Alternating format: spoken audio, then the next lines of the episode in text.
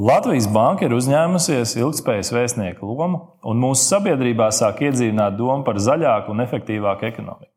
Ar ilgspējas virzienu vadītāju Latvijas Bankas padomus locekli Edvardu Kušneru šodien pārnāsim jautājumus par taksonomiju un Eiropas zaļo kursu.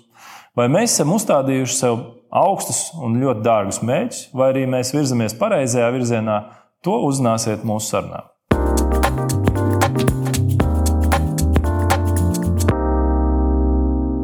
Zaļais kurs un Latvijas banka. Tāds ļoti interesants vārdu salikums. Varbūt pastāst nedaudz vairāk, ko zaļais kurs nozīmē Latvijas bankai un kādas ietekmēs mūsu Latvijā caur Latvijas bankas acu skatījumu. Zaļais kurs ir Eiropas Savienības nosaukums, ko tā ir piekabinājusi ilgspējīgai politikai. Un Latvijas bankai ar zaļo kursu tiešā veidā sakara īpaši daudz nav bet ir liels sakars ar ilgspējības problemātiku globāli. Jo šīs problēmas tiešā veidā ietekmē ekonomikas teiksim, ilgnoturību. Un tas savukārt ir ekonomikas ilgnoturības viens no elementiem, ir arī inflācija, kas ir centrālās bankas tiešā, tiešā problēma. Līdz ar to jebkas, kas var šūpot inflāciju, uztrauc centrālo banku. Līdz ar to tā saite ir teikt, no ļoti mazas merkantīlas intereses uz milzīgu procesu globāli un redzot to mērogu, ja, mēs uzskatām par nepieciešamu runāt šajā procesā nevis par inflāciju, bet par šiem lielajiem procesiem. Kā tas ietekmēs vispār ekonomikas stabilitāti, kāds ietekmēs labklājību, kāds ietekmēs dzīves kvalitāti sabiedrībai. Un daļa liekas, no tās ideoloģijas saistīts arī to, ka Latvijas Banka definēs, ka mēs strādājam sabiedrības labā. Tad nevis mēs apkalpojam finanšu sektoru, kas ir tas ikdienas darbs, bet mēs strādājam sabiedrības labā. Un mēs runājam par šiem procesiem arī krietni plašāk nekā tikai dēļ inflācijas. Zaļais kurs mūs ietekmēs stipri nākamgad, kad mēs kļūdami par vienoto finanšu uh, tirgus regulātoru, sāksim nodarboties arī ar taksonomijas ieviešanu Latvijā. Tas ir tas interesantais lēmums, ko savulaik Brisele pieņēma, ka zaļās lietas visērtāk ir iedabūt iekšā reāla ekonomikā caur finanšu sektoru. Man liekas, pirms diviem gadiem droši vien visiem zaļais kurs, dārgi energoresursi likās kaut kas ļoti tāls, par ko mēs runāsim 35. un 50. gadā. Atnāca karš Ukrajinā, visi resursi kļuva ļoti dārgi un pēkšņi mēs esam pamodušies no šī gāzes, naftas pārbagātības miega un esam spiest skatīties zaļās enerģētikas virzienā. Gan lai mazinātu inflāciju, es domāju, makro līmenī, gan, protams, arī individuālā līmenī, lai kaut kā samazinātu savas eksistences izmaksas.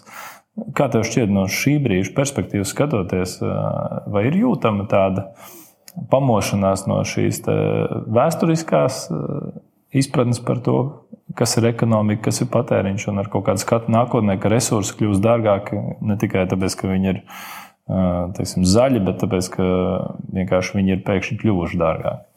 Es teiktu, ka diezgan neviennozīmīga tā bilde. Ja mēs eh, sakām, jā, pārnīska mešanās prom no fosiliem resursiem ir sākusies, Vai tas notiek ļoti pragmatiski, un vai tas labākais veids, kā to izdarīt, tas ir sarežģītāks stāsts.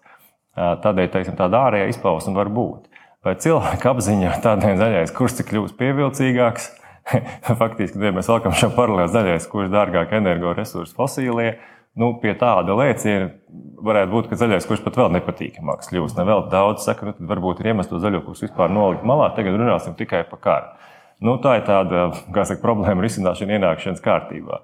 Es domāju, ka um, fakts, ka agresors pārstāv fosīlo uh, teiksim, resursu pasauli, palīdz. Bet tas ātrums, kādā tas notiek, es domāju, ka viņš daudziem uzsitīs tāds ļoti nepatīkams pēcgarš, un, un, un cerams, ka karš drīz beigsies, un vēl redzēsim, kā, kāds nāk tas ats, ats, atsvēriens apakaļ. Jo arī, arī nu, teiksim, ko dara Rietumē, Eiropā, kur nav tik labas izvēles kā Latvijā, pieejams, nu, slēdz iekšā ogļu stācijas. Tad acīm redzam, principā, iet pretējā virzienā, vienkārši ir spiesti to darīt.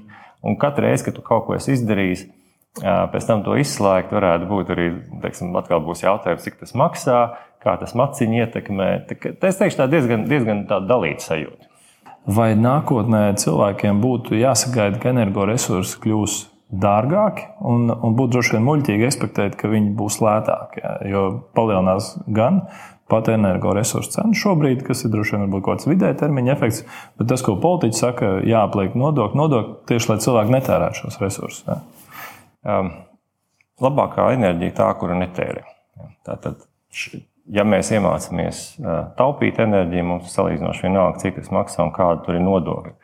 Pats par sevi patēriņa aplikšana ar, ar, ar nodokli veicina patēriņa mazināšanos, bet svarīgi, lai tas ir arī teiksim, līdzsvarā dzīves kvalitāte. Mums, mums arī ir jāskatās, cik tas ir sabiedrībā teiksim, sociāli vienlīdzīgi. Un, tā, un tāpēc teikt, ka turpmāk enerģija būs tikai, tikai dārgāka, es domāju, kara efektiem mazinoties, varētu būt arī vienu brīdi lētāka.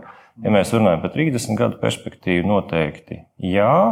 Un atkal ir atruna, ah, ja nu kodolsintēzes reaktori aiziet, tad atkal viņi varētu būt salīdzinoši lēti. Plus vēl stāsts par energo kopienām. Tātad šie teiksim, enerģijas dažādi veidi ģenerētāji, saule, vējš, uzkrāšana, ūdeņradis, siltuma uzkrāšana, pēc tam lokālais patēriņš.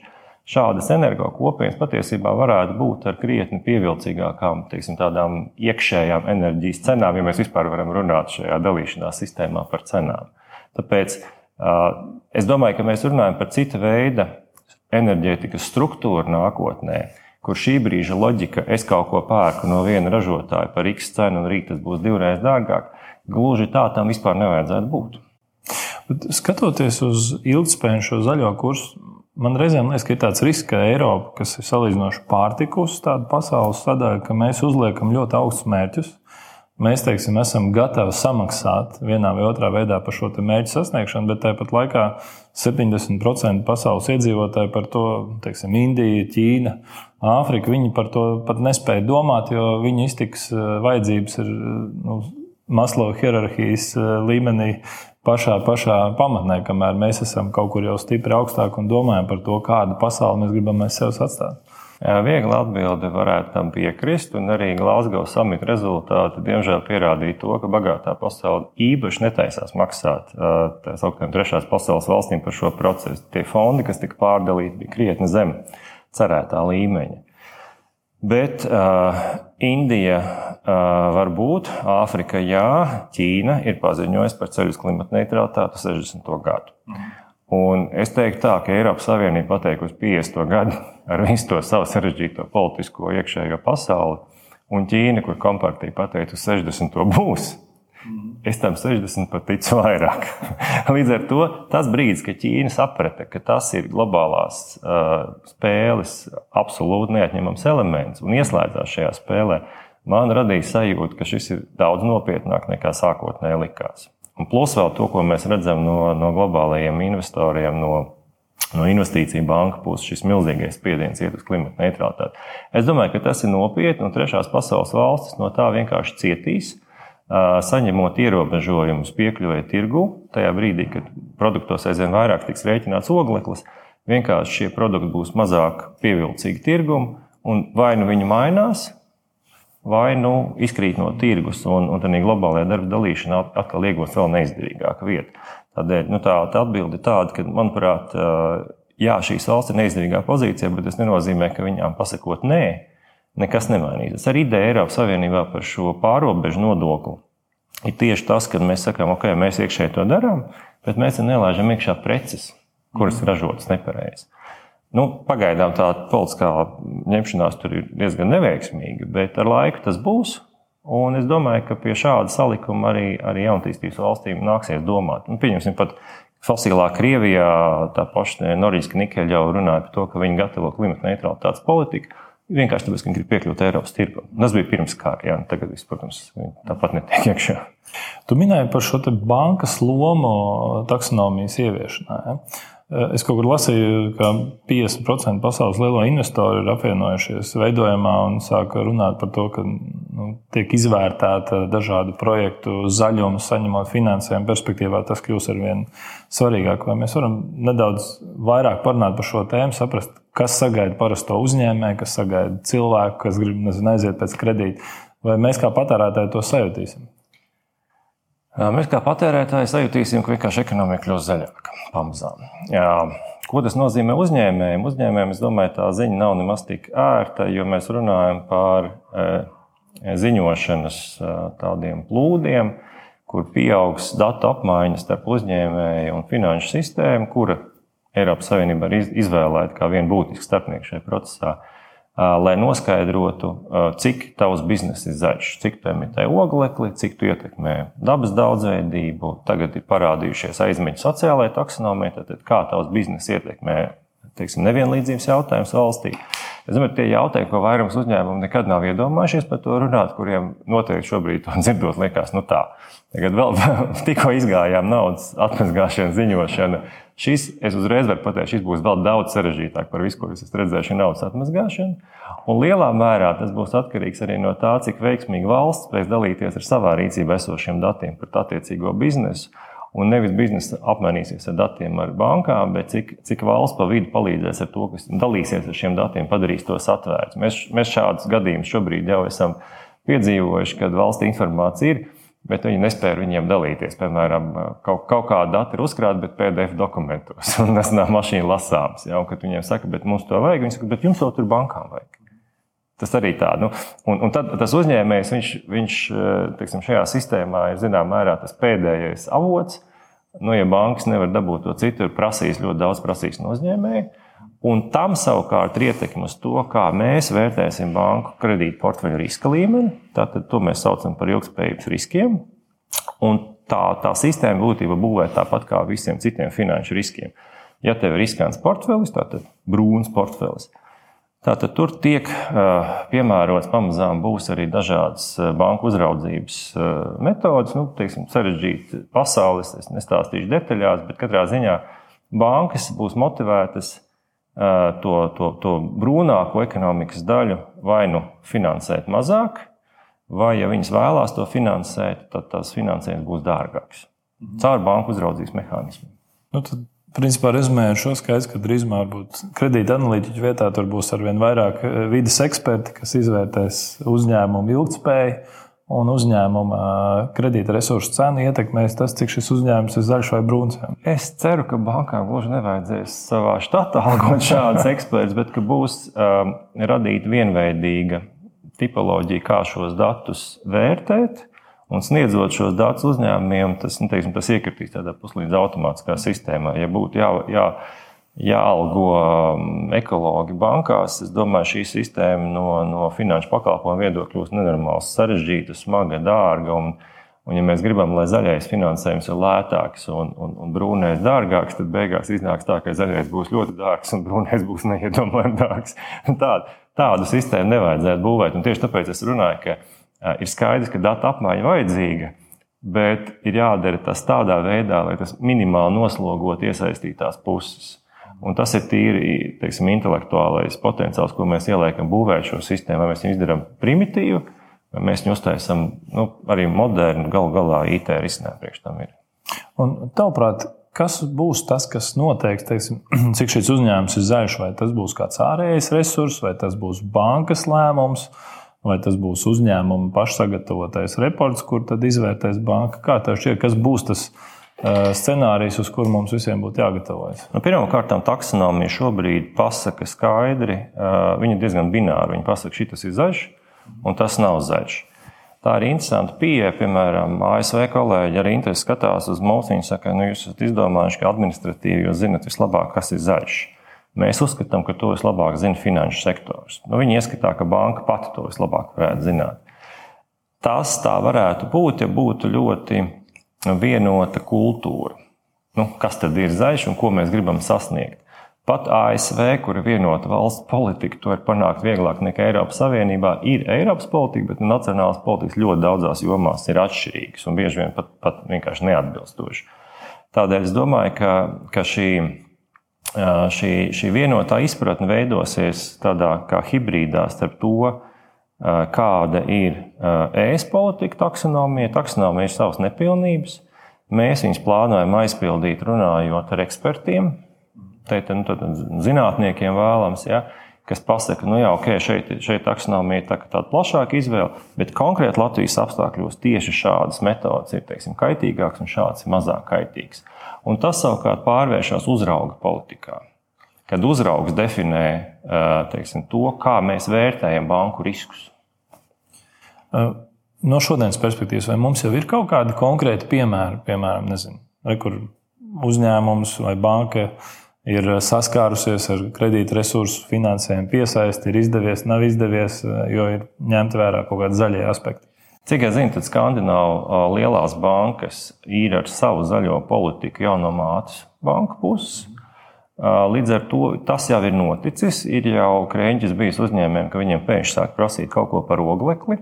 Un viens liels iemesls šim procesam bija tas, ka Eiropas centrālā banka savukārt bija uztaisījusi stresa testu par klimatu politiku. Tas vienkāršā valodā sakot, tāds ļoti rūpīgs vērtējums banku kredītu portfeļiem no klimata neutralitātes viedokļa. Tā skaitā uzdodot jautājumus, nu, kā jums šis bizness izskatās 20 gadu perspektīvā, ko parasti ne tikai banka, bet arī paši uzņēmēji nespēja atbildēt. Līdz ar to tas bija stress tests šī vārda tiešākajā nozīmē. Bija ļoti sarežģīts process, bet viņš ir labi parādījis to, cik augstu laciņu ceļ Eiropas Savienības institūcijas un konkrēti šajā gadījumā Eiropas centrālā banka. Un kas ir būtiski, ko es arī nepieminēju no šī ietvera, mēs jau nedarbojamies tikai Briseles pasaulē. Centrālās bankas strādā arī pārnacionālā zaļināšanas tīklā, tātad Network for Greening of Financial Systems, NGFS, kurā ļoti daudzas pasaules valsts centrālās bankas mēģina radīt kopīgu izpratni par to, kā zaļināt finanšu sistēmu. Un es pats esmu apakšgrupā par bioloģisko daudzveidību, man kolēģi ir par klimatu jautājumiem. Tur ir, ir konkrēti mēģina bankas saprast, visas pasaules centrālās bankas, kā šīs lietas sakārtot vislabāk caur finanšu sistēmu, kas ir mūsu tiešais instruments. Kas ir ļoti īpatnēji, jo tādā gadījumā no mūsu perspektīvas zaļais kurs ir tikai viena uh, procesa sastāvdaļa. Jo tā ir tikai Brisele. Tas tiešām izklausās ļoti sarežģīti. Man liekas, runājot par šo zaļo kursu, viena no tēmām, kas gan Latvijā, gan pasaulē kopumā ir izskanējusi, ir tas, ka lauksaimniecība tāda, kā viņi ir šobrīd, nu, teiksim, gan pasaulē, gan, gan Eiropā, viņi noteikti nav ilgspējīgi. Tiek lietot ļoti daudz dažādu minerālu, ķimikālijas un tā tālāk. Un tāpat laikā cilvēki kļūst ar vien vairāk, un šī pārtiks eh, pietiekamības jautājums izskan gan kara kontekstā, gan vispār globāli.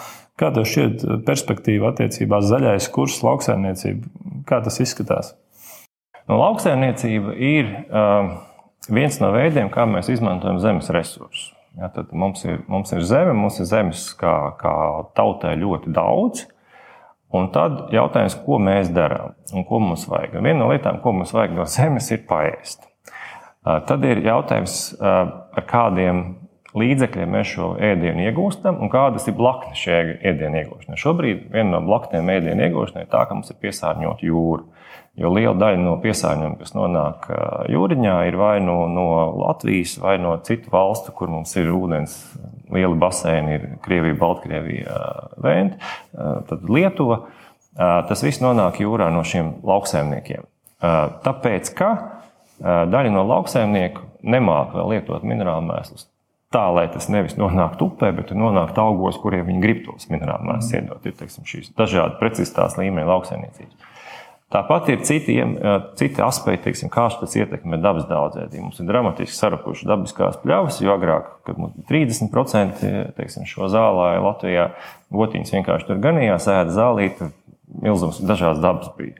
Šobrīd gotiņas ēd kombinēto lobarību savā fermās, vai ir iziet tādā barā, ka noēd visu līdz, līdz zemē, un pārējā zeme ir uzvērta. Tas nozīmē, ka mēs esam kaut ko atkal pazaudējuši.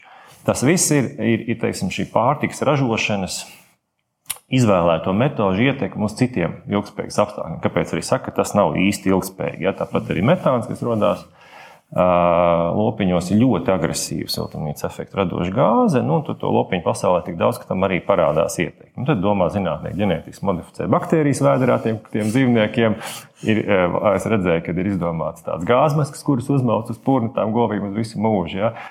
Manuprāt, briesmīgs izvēles, bet cilvēki mēģina kaut ko atrast mokās. Un tad, un tad, ir, tad ir jautājums, kādas ir radikālās alternatīvas. Nu, piemēram, Somijā audzē ēšanai circeņus.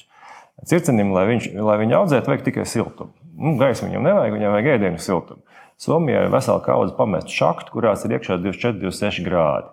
Viņi tur pazemē šachtās industriāli audzē circeņus, tur taisa pulverīšus. Nu, kā vienmēr uzņēmējs izgudro daudz dažādu veidu, kā to, kā to zvēru notirgot, īpaši tiem, kas negrib redzēt, kā tas izskatās. Un Protams, globāli tiek uzskatīts, ka kukainis ir iespējams viena no, no, no pārtikas veidiem. Es nevaru teikt, ka, man, man, ka es to gribētu reklamēt, ka man tas patīk. Bet, nu, ja mums jāiz, jāskatās izvēles, tad, tad pirmā, manuprāt, loģiskākā ir ēst mazāk sarkano gaļu, ja, kas, kas ir tas, tas trakākais. Otrs ir, ir nu, tā, kad apstrādā zemi, nu, ievērot tos principus drusku vairāk, kaut vai nenoārt to pašu pļaviņu līdz eh, to, to aram zemi neuztais līdz grāmatā, līdz upmalē. Tur ir platāka zonas, kur daba to visu paņem.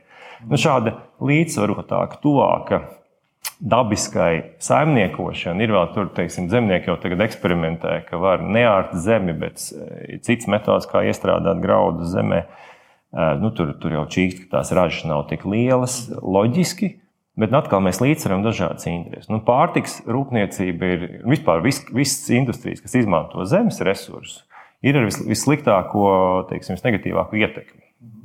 Un, un tur arī būs tās lielākās pārmaiņas. Ja? Bet es, es domāju, ka vismaz Latvijas kontekstā globāli tur varētu būt diezgan smagi dēļ tās daļas klimata pārmaiņu, kur jau ir neizbēgamas, ja? kas, kas ļoti smagi var ietekmēt pārtiks ražošanu.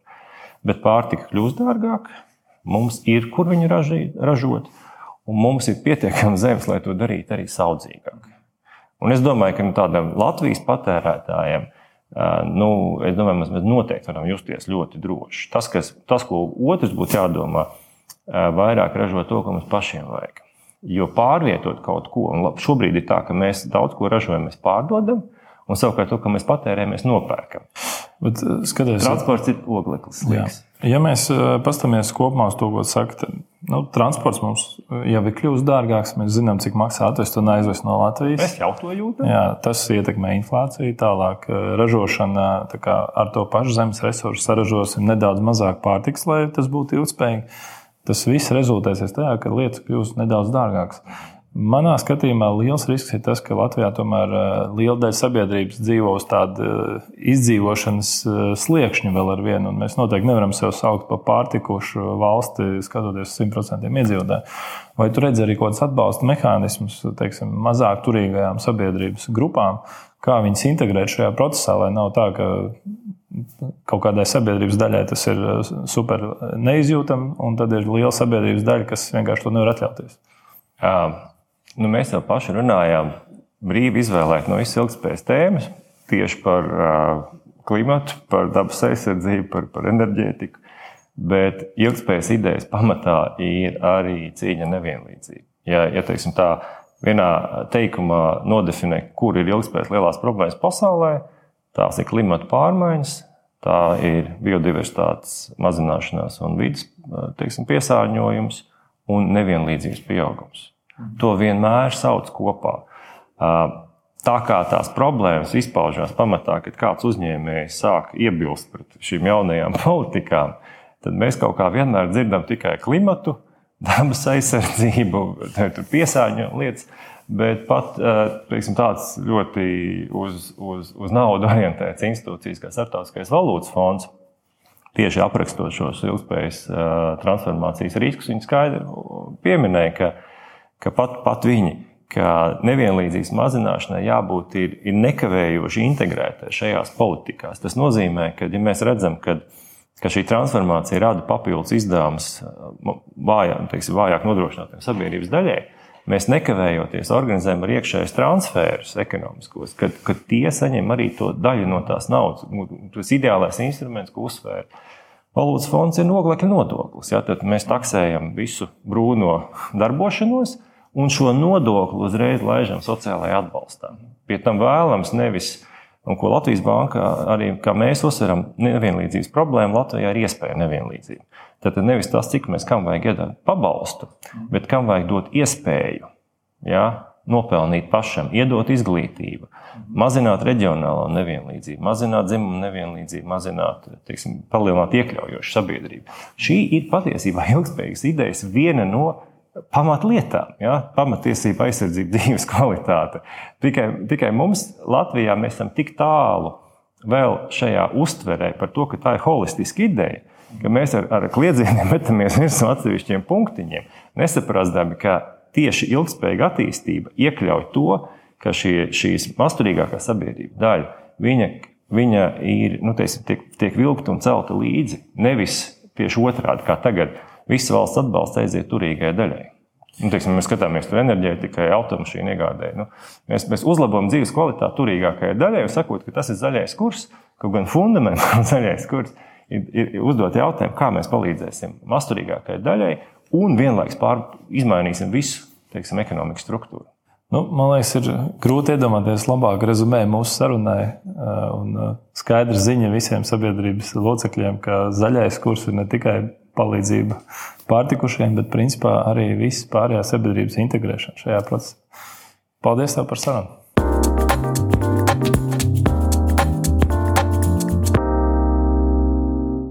Zaļais kurs attiecas uz mums visiem. Tas attiecas gan uz elektroenerģijas un energoresursu cenām ilgtermiņā, gan uz to, kā mēs audzēsim pārtiku, kā mēs viņu patērēsim, gan arī uz to, lai mazinātu sabiedrības nevienlīdzību un šajā procesā integrētu visus sabiedrības slāņus.